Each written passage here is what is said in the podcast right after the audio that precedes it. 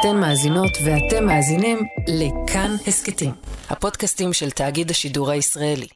היי, אתם ואתן על חיות כיס, אני שאול אמסטרדמסקי. אני אלון אמיצי. ואני צליל אברהם. וביחד אנחנו שלישיית ימין שמאל ומה שביניהם. אל תגיד דברים שתתחרט עליהם. טוב, היום אנחנו הולכים לעשות משהו קצת אחר. היום אנחנו הולכים לפרק את האינפלציה. שאול, אבל כבר פירקנו את האינפלציה. פרק 216. אתה בעצמך הלכת לראיין את נגיד בנק ישראל, כשהאינפלציה בארץ עוד הייתה 2.5%. כן, זה נכון, רק שמאז האינפלציה בישראל כבר חצתה את ה-4% ועוד היד נטויה. טוב, אז מה עושים? איך מפרקים את האינפלציה? אוקיי, אז הנה מה שחשבתי שנעשה. בואו נצא למסע בזמן. רעיון מצוין, אני בפנים, אבל תקשיבו, אל תיגעו בכלום ואל תפגשו את עצמכם. אתם לא יודעים למה זה יכול להוביל. ואם אתם רואים את אדולף היטלר... כן, אה, בכל אופן, מסע בזמן. צליל, את תלכי לעבר להבין איך הגענו לכאן. אמיצי, אתה תישאר כאן בהווה ותבין מה עושים עם כל האינפלציה הזאת עכשיו.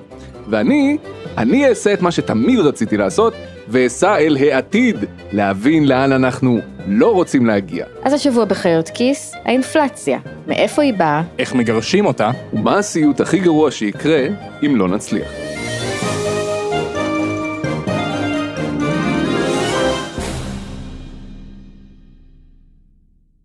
מה זו אינפלציה זאת שאלה שאני אוהבת. כי זאת שאלה שאנשים תמיד מביאים כדוגמה כשהם רוצים להגיד שהם לא מבינים מה קורה בכלכלה. הם אומרים, אני לא יודע מה זו אינפלציה, או אתם יודעים מה זו אינפלציה? אז הלכתי להביא לכם הסבר מוסמך, בדוק וודאי, מנגידת בנק ישראל לשעבר. אני קרנית פלוג, אני סגנית נשיא למחקר במכון הישראלי לדמוקרטיה ומרצה באוניברסיטה העברית. וההסבר הזה הולך ככה, תקשיבו טוב. קודם כל אינפלציה אנחנו מודדים כעליית מחירים בשנה האחרונה. זהו, עכשיו אתם יודעים מה זו אינפלציה. אבל אם נרצה להיכנס עוד צעד אחד לתוך הבריכה הזאת, אז אפשר לומר ש... אם אנחנו יכולים לקנות עקרונית יותר ממה שהשוק מציע, אז המחירים עולים. אינפלציה קורית כשיש יותר כסף ממה שהיה קודם, על פחות מוצרים ממה שהיו קודם. כלומר, כשיש לנו כל כך הרבה כסף שאנחנו יכולים לקנות יותר ממה שהעולם יכול לייצר לנו. זה נשמע ממש נהדר, אני מרגישה כמו ריהנה שוחה בבריכה של דולרים.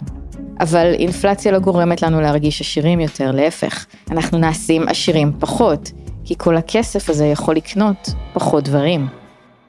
מה האינפלציה הנוכחית בישראל? אז נכון ליולי 22, המחיר של סל המוצרים והשירותים שאנחנו צורכים עלה ב-12 חודשים האחרונים ב-4.4 אחוזים. אנחנו שומעים על כל מיני אה, מוצרים שפתאום המחיר שלהם עלה ב-10 אחוזים, ב-12 אחוזים, אבל הממוצע בסוף עלה בינתיים ב-4.4 אחוזים. ועכשיו השאלה היא, למה? למה יש אינפלציה? יש שתי תשובות אפשריות לשאלה הזאת. אחת היא שיש יותר כסף, והשנייה היא שיש פחות מוצרים. יש בעצם שני צדדים או שני מרכיבים גדולים להאצה של האינפלציה. אחד זה מה שכלכלנים קוראים בעיות בצד ההיצע. כלומר, היצע של המוצרים, של הדברים שאנחנו קונים. אז זה גם אה, שיבושים אה, שהתחילו בסין עם סגרים מחודשים אה, שפגעו בעצם בייצור בסין ולכן בשרשרת האספקה. כלומר מפעלים שנסגרים בגלל הקורונה, עובדים שיושבים בבית ולא עובדים, פקקים בנמלים. בלגן בשרשרת הייצור שמעלה מחירים. הצטרפה לזה המלחמה באוקראינה והמלחמה הזאת הביאה לעלייה גדולה במחירים גם של אנרגיה וגם של תבואות למשל והרבה מאוד חומרי גלם שרוסיה ואוקראינה הם אה, יצואניות מאוד גדולות שלהם. אז אלה דברים שאני חושבת שאי אפשר היה לחזות. אני חושבת שמה שלא הערכנו במידה מספקת זה את ההשפעה של צד הביקוש. הביקוש זה הביקוש שלנו לקנות את אותם המוצרים שעכשיו יש פחות מהם. וזה כבר קשור לשאלה כמה כסף יש לנו לצרוך את כל מה שהיינו רוצים. מה שקרה במהלך משבר הקורונה זה שאנשים אה, בעצם חסכו יותר ממה שהם התכוונו. כי גם אנשים שלאיזושהי תקופה לא עבדו, רשתות הביטחון בסך הכל פיצו על הירידה בהכנסה מעבודה. כשאנחנו מסתכלים על המספרים הגלובליים אנחנו רואים שההכנסה הפנויה, כלומר סך ההכנסה שעומדת לרשות משקי הבית כדי לצרוך, עלתה בשנת 2020 וגם ב-2021. מצד שני הוצאנו הרבה פחות, לא נסענו לחופשות, לא יצאנו כל כך הרבה למסעדות, הרבה מאוד שירותים אישיים לא צרכנו כי לא רצינו להתקרב לאנשים אחרים. ולכן חסכנו יותר ממה שהתכוונו. ברגע שכל העולם נפתח ואפשר לנסוע ולטייל וללכת לסרטים ולמסעדות אז יש, היה גידול מאוד גדול בביקוש כלומר בצריכה הפרטית, גם של מוצרים וגם של שירותים, על בסיס אותו חיסכון שלא התכוונו לחסוך, אה, וכשזה פגש את המגבלות בצד ההיצע, זה גם תרם לעליית המחירים. ולכסף הזה הצטרף עוד כסף. חוץ מהצ'קים שהממשלות שלחו והמענקים לכל אזרח שהן חילקו, הבנקים המרכזיים, למשל הפד בארצות הברית וגם אצלנו כאן בישראל, הזרימו עוד כסף לשוק. הם עשו את זה דרך רכישת אגרות חוב בבורסה. ואנחנו לא נצלול עמוק מדי לתוך המנגנון הזה, אבל יש ויכוח על האם זה נחשב או לא נחשב להדפיס כסף. בנק ישראל אומר שלא. אז uh, האינפלציה שאנחנו רואים עכשיו היא בעצם תוצאה של השילוב הזה של המגבלות בצד ההיצע, הגידול בצד הביקוש. יותר כסף פנוי על פחות מוצרים שאפשר לקנות, או במילים אחרות, עודף ביקוש. ביקשתי מפרופסור קרנית פלוג להכריע, מה יותר, האם זו אינפלציה שהיא בעיקר מצד ההיצע, כלומר מחסור במוצרים, מלחמה באוקראינה, כל זה, או שזו אינפלציה שהיא בעיקר מהצד של הביקוש, כלומר יותר מדי כסף שפיזרו פה. והתשובה שלה היא שבמקרה שלנו בישראל, צד ההיצע משפיע יותר, כי כמות הכסף כאן לא כל כך גדלה. פה אני חושבת שזה בעיקר הבעיה של צד ההיצע, בגלל שההיקף גם של ההרחבה המוניטרית, כלומר של הפעילות של בנק ישראל, וגם ההרחבה הפיסקלית, כלומר היקף ההוצאה של הממשלה, היה סביר, מתון בהשוואה בינלאומית, ובהיקף שלהערכתי היה נדרש כדי למנוע פגיעה יותר גדולה בציבור שחלק מהתקופה נאלץ להיות בבית. ולכן אני חושבת שאלמלא הבעיות בצד ההיצע, אה, אז כנראה אנחנו לא היינו רואים אינפלציה משמעותית בישראל.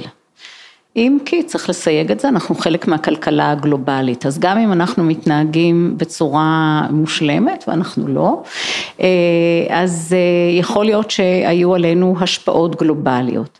אני חושבת שבחלק מהמדינות, לרבות בארצות הברית, היקף החבילות סיוע ורשתות הביטחון היה מעל ומעבר וגם נמשך הרבה יותר זמן.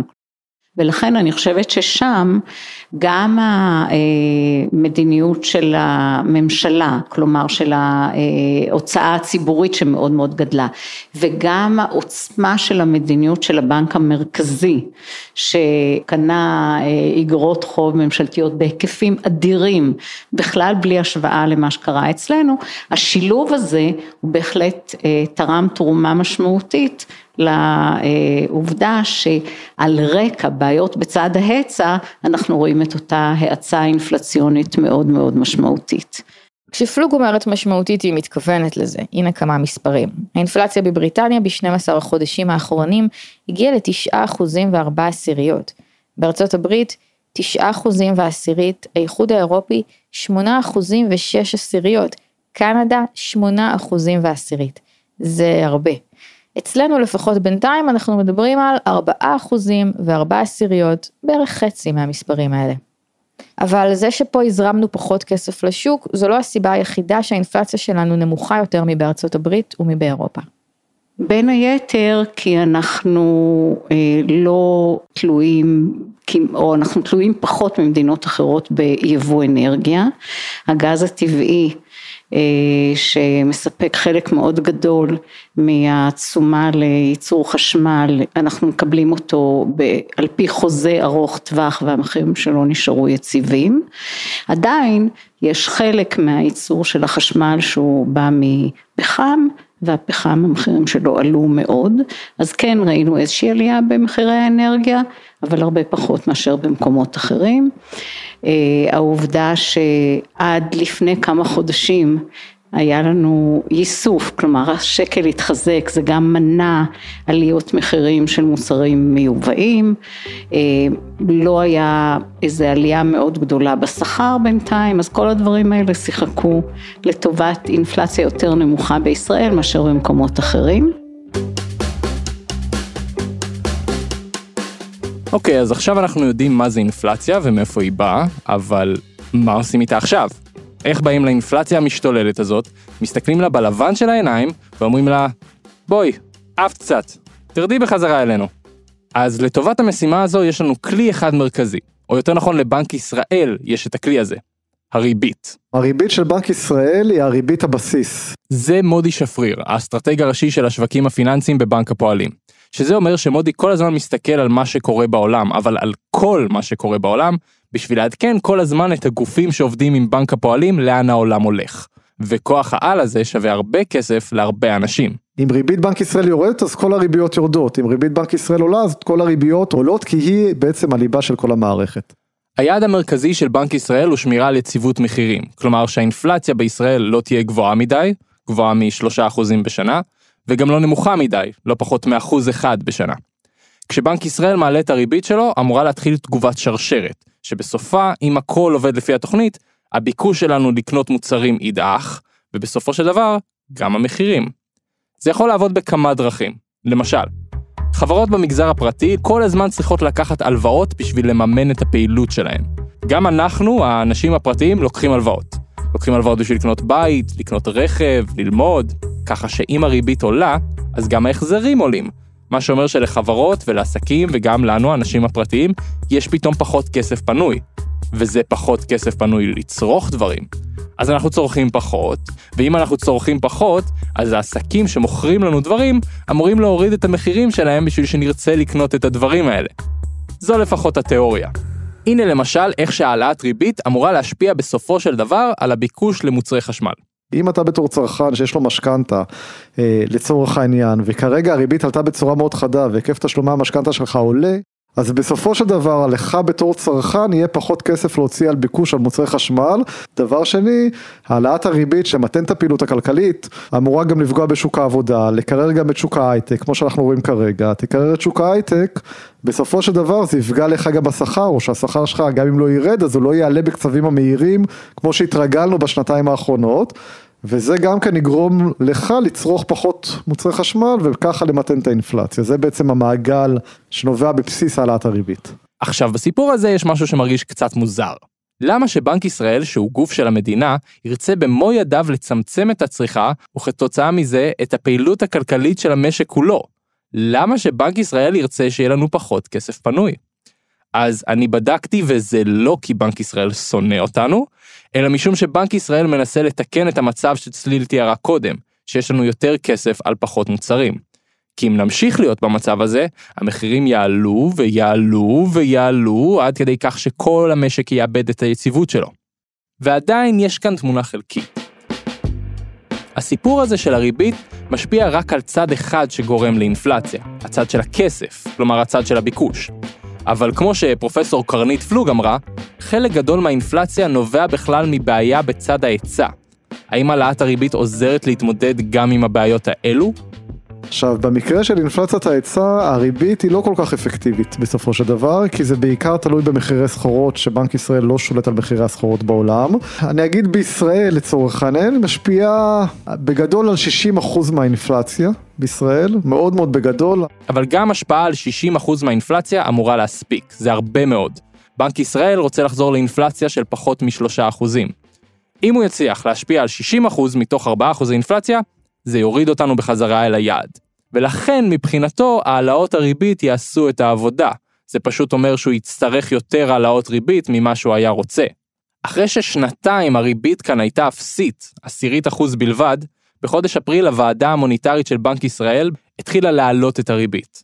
הנגיד ירון גם בא והצהיר שהוא עושה front loading, שבעברית זה אומר שהוא רוצה להעלות את הריבית עכשיו מוקדם ומהר כדי להגיע לרמה יותר נורמלית, לרמה שקצת תרסן את הביקושים, מה שדיברנו קודם, בטרם הוא יעצור את תהליך העלות הריבית. אז לדעתי האישית אנחנו נמשיך לראות העלאות ריבית חדות יחסית בארצות הברית בתקופה הקרובה, גם בישראל, אה, של חצי אחוז כל פעם. לדעתי הריבית בארץ תגיע לאזור ה-2.5-3 אחוזים בסופו של דבר, ולאחר מכן היא תתמתן. אם זה מנחם מישהו, בארצות הברית המצב הרבה יותר גרוע. בגלל שהאינפלציה שם עומדת על 9.1, אז גם שם במהלך החודשים האחרונים הפד, כלומר ה-Federal Reserve, הבנק המרכזי של ארצות הברית, העלה את הריבית באופן משמעותי לאחוז וחצי, והוא צפוי להמשיך להעלות את הריבית עוד ועוד. ואתם אולי שואלים, כמו שאני שאלתי, למה לא בבת אחת? למה כל חודש לעלות רבע או חצי אחוז לאורך זמן? אז הסיבה היא בין היתר לא לגרום זעזוע לשווקים ומכך זעזוע לכלכלה. תראה, דרך המלך של הבנקים המרכזיים, מה שהם היו רוצים לעשות, זה להעלות את הריבית בצורה הדרגתית. היום הפד בארצות הברית, הבנק המרכזי, נמצא שם איפשהו בין הפטיש לסדן, כי מצד אחד, לכאורה, הוא לא היה רוצה להעלות את הריבית בצורה חדה מדי, כדי לא לפגוע בשווקים, מה שראינו מתחילת השנה, כדי לא לפגוע בצריכה הפרטית בצורה משמעותית, כדי לא להוביל את המשק האמריקאי למיתון. מצד שני, האינפלציה לכשעצמה פוגעת בצריכה הפרטית, הרי כשהאינפלציה כל כך עולה והמחירים כל כך עולים, לצרכנים יש פחות כסף, במיוחד השכבות החלשות, ויש פגיעה משמעותית גם באיכות החיים וגם בצריכה הפרטית. ועכשיו הגיע הזמן לשאלה הכי חשובה. מתי זה יעזור? מתי נראה את התוצאות? מתי עליות המחירים יתמתנו? בגדול מדברים על זה שלוקח השפעה של בין חצי שנה לשנה, תלוי גם כן בהשפעות החיצוניות, אה, שבסופו של דבר העלאת הריבית תמתן את השוק.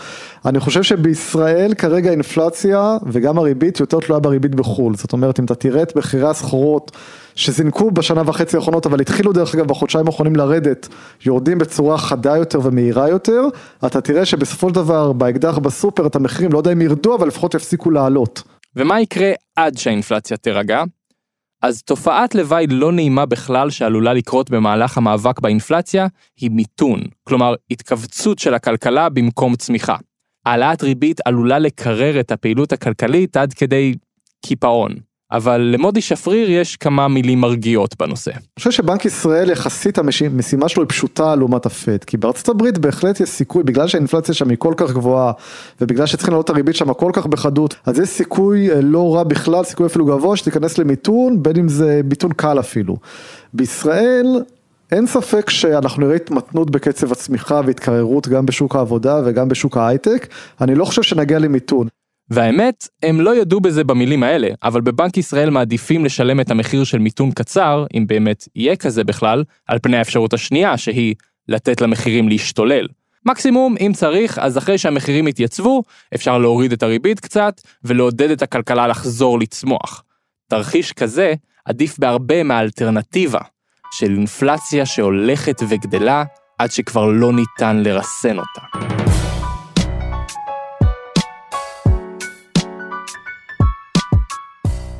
אוקיי, okay, אז אנחנו מבינים מאיפה האינפלציה הגיעה, ואנחנו מבינים מה צריך לעשות בשביל לסלק אותה מחיינו, וגם עד כמה זה מסובך.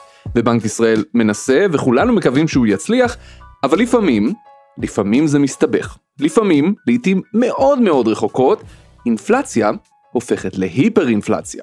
וזה בדיוק כמו שזה נשמע לכם, אינפלציה על סטרואידים. פעם, כשאני הייתי תינוק, בתחילת שנות ה-80, זה קרה אפילו פה בישראל. האם זה יכול לקרות אצלנו שוב עכשיו? אז למען הסר כל ספק, לא נראה לי, לא. מצד שני, ב-1970, כשהאינפלציה בישראל עוד הייתה 10% בשנה, גם אז נדמה לי שלא היו המון אנשים שחשבו שאו-טו-טו אנחנו בדרך להיפר-אינפלציה. אבל זה מה שקרה. בשנתיים שלאחר מכן, 1971-72, האינפלציה עוד נעה סביב ה-12-13% בשנה. אבל תוך שנים ספורות ממש, היא טיפסה וטיפסה וחצתה את המאה אחוזים בשנה, עד שהגיעה לשיא של יותר מ-400 אחוזי אינפלציה בשנה אחת. זה היה ב-1985. זה אומר שאם חולצה עלתה נגיד 100 שקלים ב-1970, אז ב-1985 היא כבר עלתה, תחזיקו חזק, לא באמת, ממש חזק, 663,865 שקלים. שקלים ישנים אגב, שהם בערך 663 שקלים חדשים. בקיצור, כשהאינפלציה הזו הייתה קטנה, אנשים לא ידעו שהיא אוטוטו תהפוך להיות היפר אינפלציה כשהיא תהיה גדולה. אז איך אפשר לדעת היום, מראש, האם אנחנו נמצאים על הנתיב הזה או לא? בשביל לקבל תשובה לשאלה החצי בדיונית הזאת, התקשרתי אל מעבר לים, לשוויץ, אל פרופסור נתן זוסמן, האיש הכי מוסמך לענות על השאלה הזו. קודם כל כדאי להגדיר היפר-אינפלציה, והיפר-אינפלציה מוגדרת כאינפלציה חודשית, בקצב חודשי של 50% בחודש, שזה משהו שהוא בקצב שנתי, זה מתקרב לאלף אחוזים. זה ההגדרה הפורמלית של היפר-אינפלציה. פרופסור נתן זוסמן הוא היסטוריון כלכלי. גילוי נאות, הוא גם אחד האבות המייסדים של החוג שבו למדתי באוניברסיטה, פילוסופיה, כלכלה ומדע המדינה, והוא גם היה מרצה שלי. בהמשך הוא היה ראש חטיבת המחקר בבנק ישראל, והיום הוא פרופסור לכלכלה במכון ללימודים מתקדמים בז'נבה. זה באמת uh, כרגע נראה מאוד מאוד רחוק, אבל uh, מרבית המקרים שבהם uh, באמת היו היפר אינפלציות הם התחילו קודם לכן באינפלציות שהידרדרו לכדי היפר אינפלציה. פרופסור זוסמן סיפר לי שלאורך ההיסטוריה האנושית היו עשרות מקרים מתועדים של היפר אינפלציה. אחד המפורסמים שבהם, וגם זה שהוא כתב עליו את הדוקטורט שלו, היה לפני 700 שנה בצרפת במלחמת 100 שנה. זה היה עוד לפני שהיו שטרות נייר אפילו. אז ההיפר אינפלציה הגיעה ל-6,000 אחוזים בתוך שנה. כן כן, משהו טוב. גם הרבה שנים אחר כך הייתה היפר-אינפלציה בצרפת במהלך המהפכה הצרפתית, כשהממשלה הדפיסה כסף, ובהמשך, במאה ה-20, היו היפר-אינפלציות מפורסמות לא פחות. בגרמניה, באוסטריה, בהונגריה ובפולין, כל אלה אחרי מלחמת העולם הראשונה.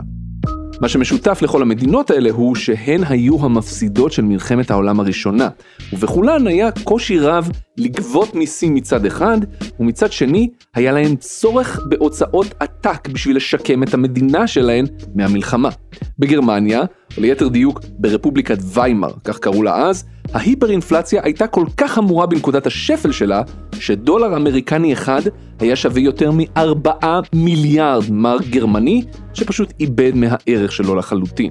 יש לא מעט חוקרים שמותחים קשר בין ההיפר-אינפלציה ההיא ברפובליקת ויימאר לבין עליית הנאצים לשלטון בגרמניה בעשור שלאחר מכן.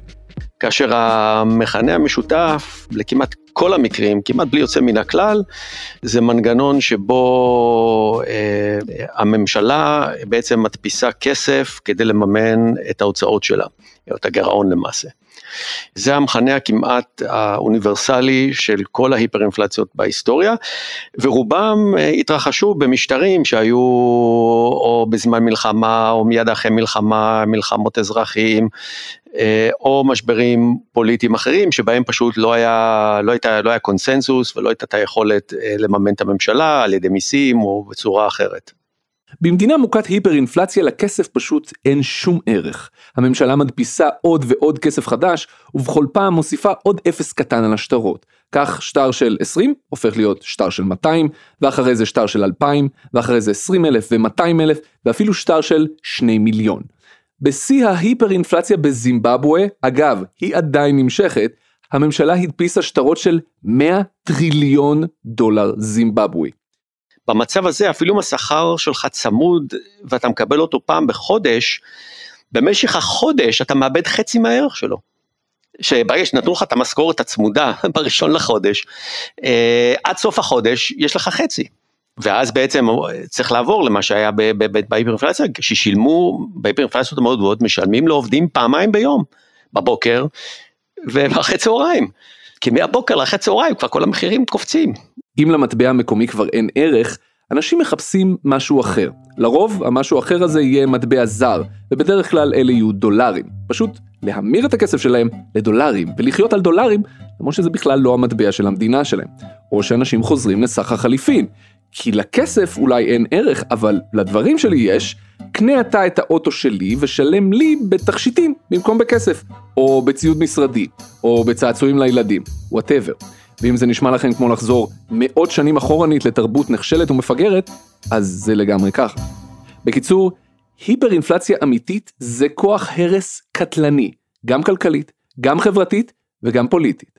כשזה מתחיל, אפשר לזהות שזה מתחיל? אה, קשה מאוד לזהות, זה בדרך כלל מתחיל באינפלציות גבוהות, אבל אה, לכאורה תחת שליטה. בשלב מסוים אה, זה מתחיל להאיץ, בוא נגיד ככלל אצבע ברגע שאינפלציות, לא צריך לחכות שאינפלציה תגיע ל-50% בחודש כדי להבין שאנחנו הולכים לשם. אחד הדברים הקשים עם היפר-אינפלציה הוא שזו מכונת הרס שמזינה את עצמה. ברגע שהממשלה מתחילה להדפיס כסף בשביל לממן את הפעילות שלה, המחירים במשק מתחילים לעלות במהירות. וכשהמחירים עולים, אז ההוצאות של הממשלה נהיות עוד יותר יקרות, והממשלה נאלצת להדפיס עוד כסף, וחוזר חלילה. ברגע שאינפלציה באמת עוברת את הסף הזה של פחות או יותר 100 אחוזים, אז מתחילים להיכנס כל מיני מנגנונים של, אה, של הצמדות, אה, שמצמידים שכר לאינפלציה, של מעבר לשימוש במטבע חוץ במקום מטבע מקומי, ואז בעצם הממשלה עבור כל, אה, נגיד נקרא לזה שקל או כל רובל או כל מטבע כלשהו אחר שהיא מדפיסה, היא מצליחה לקנות פחות ופחות, ואז היא בעצם צריכה להדפיס יותר ויותר, ו, ואז נכנסים לסחרור הזה. למה הממשלות בכלל מדפיסות כסף? התשובה היא, פשוט אין להן שום ברירה. לפי פרופסור זוסמן, זה בדרך כלל נובע ממצב של גירעונות מאוד גדולים, שמגיעים אחרי משברים מאוד גדולים, מלחמות אדירות, מלחמת אזרחים, משבר כלכלי רחב היקף, תקופה שבה לממשלה יש המון הוצאות מצד אחד, והיכולת שלה לגבות מיסים מצד שני היא מאוד קטנה. היא לא מסוגלת לממן את ההוצאות שלה, אבל היא גם לא מסוגלת לקצץ בהוצאות שלה, כי צריך לשקם את המדינה. ואם אין לה דרך ללוות כסף בשוקי ההון, נגיד כי אף אחד לא מוכן להלוות לה יותר, נשארת רק אפשרות אחת, להדפיס כסף חדש. אם זה נשמע לכם כמו יאללה נו מתי קורים דברים כאלה, הם קורים. יש לא מעט מדינות בעולם שנמצאות היום במשבר חריף, מסרי לנקה דרך לבנון ועד ארגנטינה. כולן נמצאות בפלונטר איום ונורא. מה הסיכון שהאינפלציה בישראל תהפוך להיפר אינפלציה? אז לפחות כרגע התשובה היא סיכון מזערי ממש, על גבול הלא קיים. כל הסיבות שמובילות להיפר-אינפלציה לא מתקיימות אצלנו בכלל. בניגוד לשנות ה-80, בנק ישראל היום הוא גוף עצמאי, מעמדו קבוע בחוק, ובחוק הזה ממש כתוב שאסור לו להדפיס כסף עבור הממשלה בשביל לממן את הגירעון שלה. הגירעון הממשלתי עצמו נמצא בשפל כל הזמנים. למעשה לפני חודש הממשלה אפילו לא הייתה בגירעון אלא בעודף. בקיצור, אנחנו ממש לא שם ולא קרובים להיות שם. אבל, בכל זאת, אם חלילה ניקלע איכשהו למצב הזה שוב, איך יוצאים ממנו? אפשר את זה בדרכים יותר טובות, וזה לפני שמגיעים לאיזשהו פיצוץ, יש הכרה שהדבר הזה הוא לא בר קיימא, ובעצם צריך לייצב, ו, ואז עושים מה שעשו בארץ בצורה מאוד מוצלחת, אז בעצם עושים מה שנקרא עסקת חבילה, כי כמו שאמרתי, הסיבות לדברים האלה הן פוליטיות, ובעצם צריך לגבש קונסנזוס כלכלי, פוליטי, חברתי, אם תרצה, שבעצם אה, מרבית הקבוצות באוכלוסייה מחליטות שהן לא מעוניינות בהמשך התהליך הזה. וברגע שמתקבלת ההחלטה כזו, אז uh, קל מאוד לייצב, וזה ייצוב כמו שעשינו בישראל בשנות ה-80, עוד לפני שהידרדרנו ממש להיפר-אינפלציה. כשפרופסור זוסמן אומר שזו הדרך הקלה, זה לא אומר שזה קל. תוכנית הייצוב ב-1985 בישראל הייתה תוכנית שנויה במחלוקת. ההסתדרות התנגדה לה, הליכוד התנגד לה, היו אין ספור הפגנות נגד התוכנית ונגד הממשלה, השכר של העובדים הוקפא, סובסידיות ממשלתיות בוטלו או קוצצו, תקציבים ממשלתיים קוצצו, היו המון גזרות של הממשלה על הציבור. אבל אחרי כמה חודשים קשים, זה עבד, והאינפלציה התחילה להתמתן.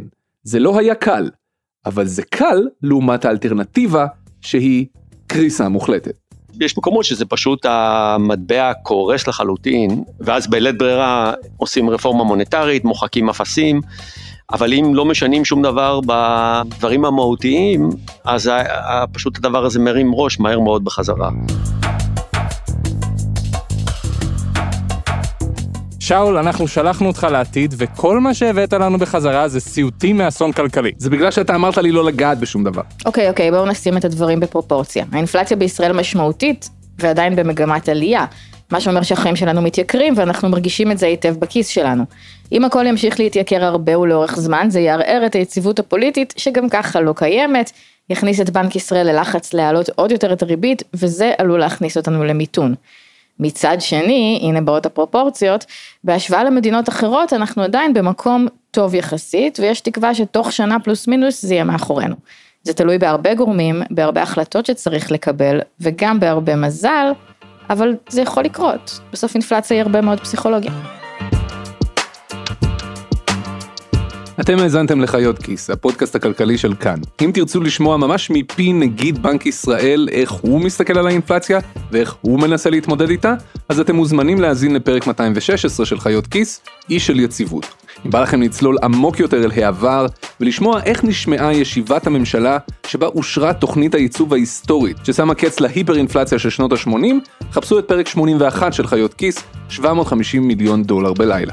העורכת של חיות כיס היא נועה בן הגיא, עורך הסאונד הוא אסף רפפורט, נועם ברלכיס סייע בעריכה, תודה גם לעורך כאן הסכתים ניר גורלי. תודה רבה ציל אברהם, אני שמח שלא נגעת בשום דבר.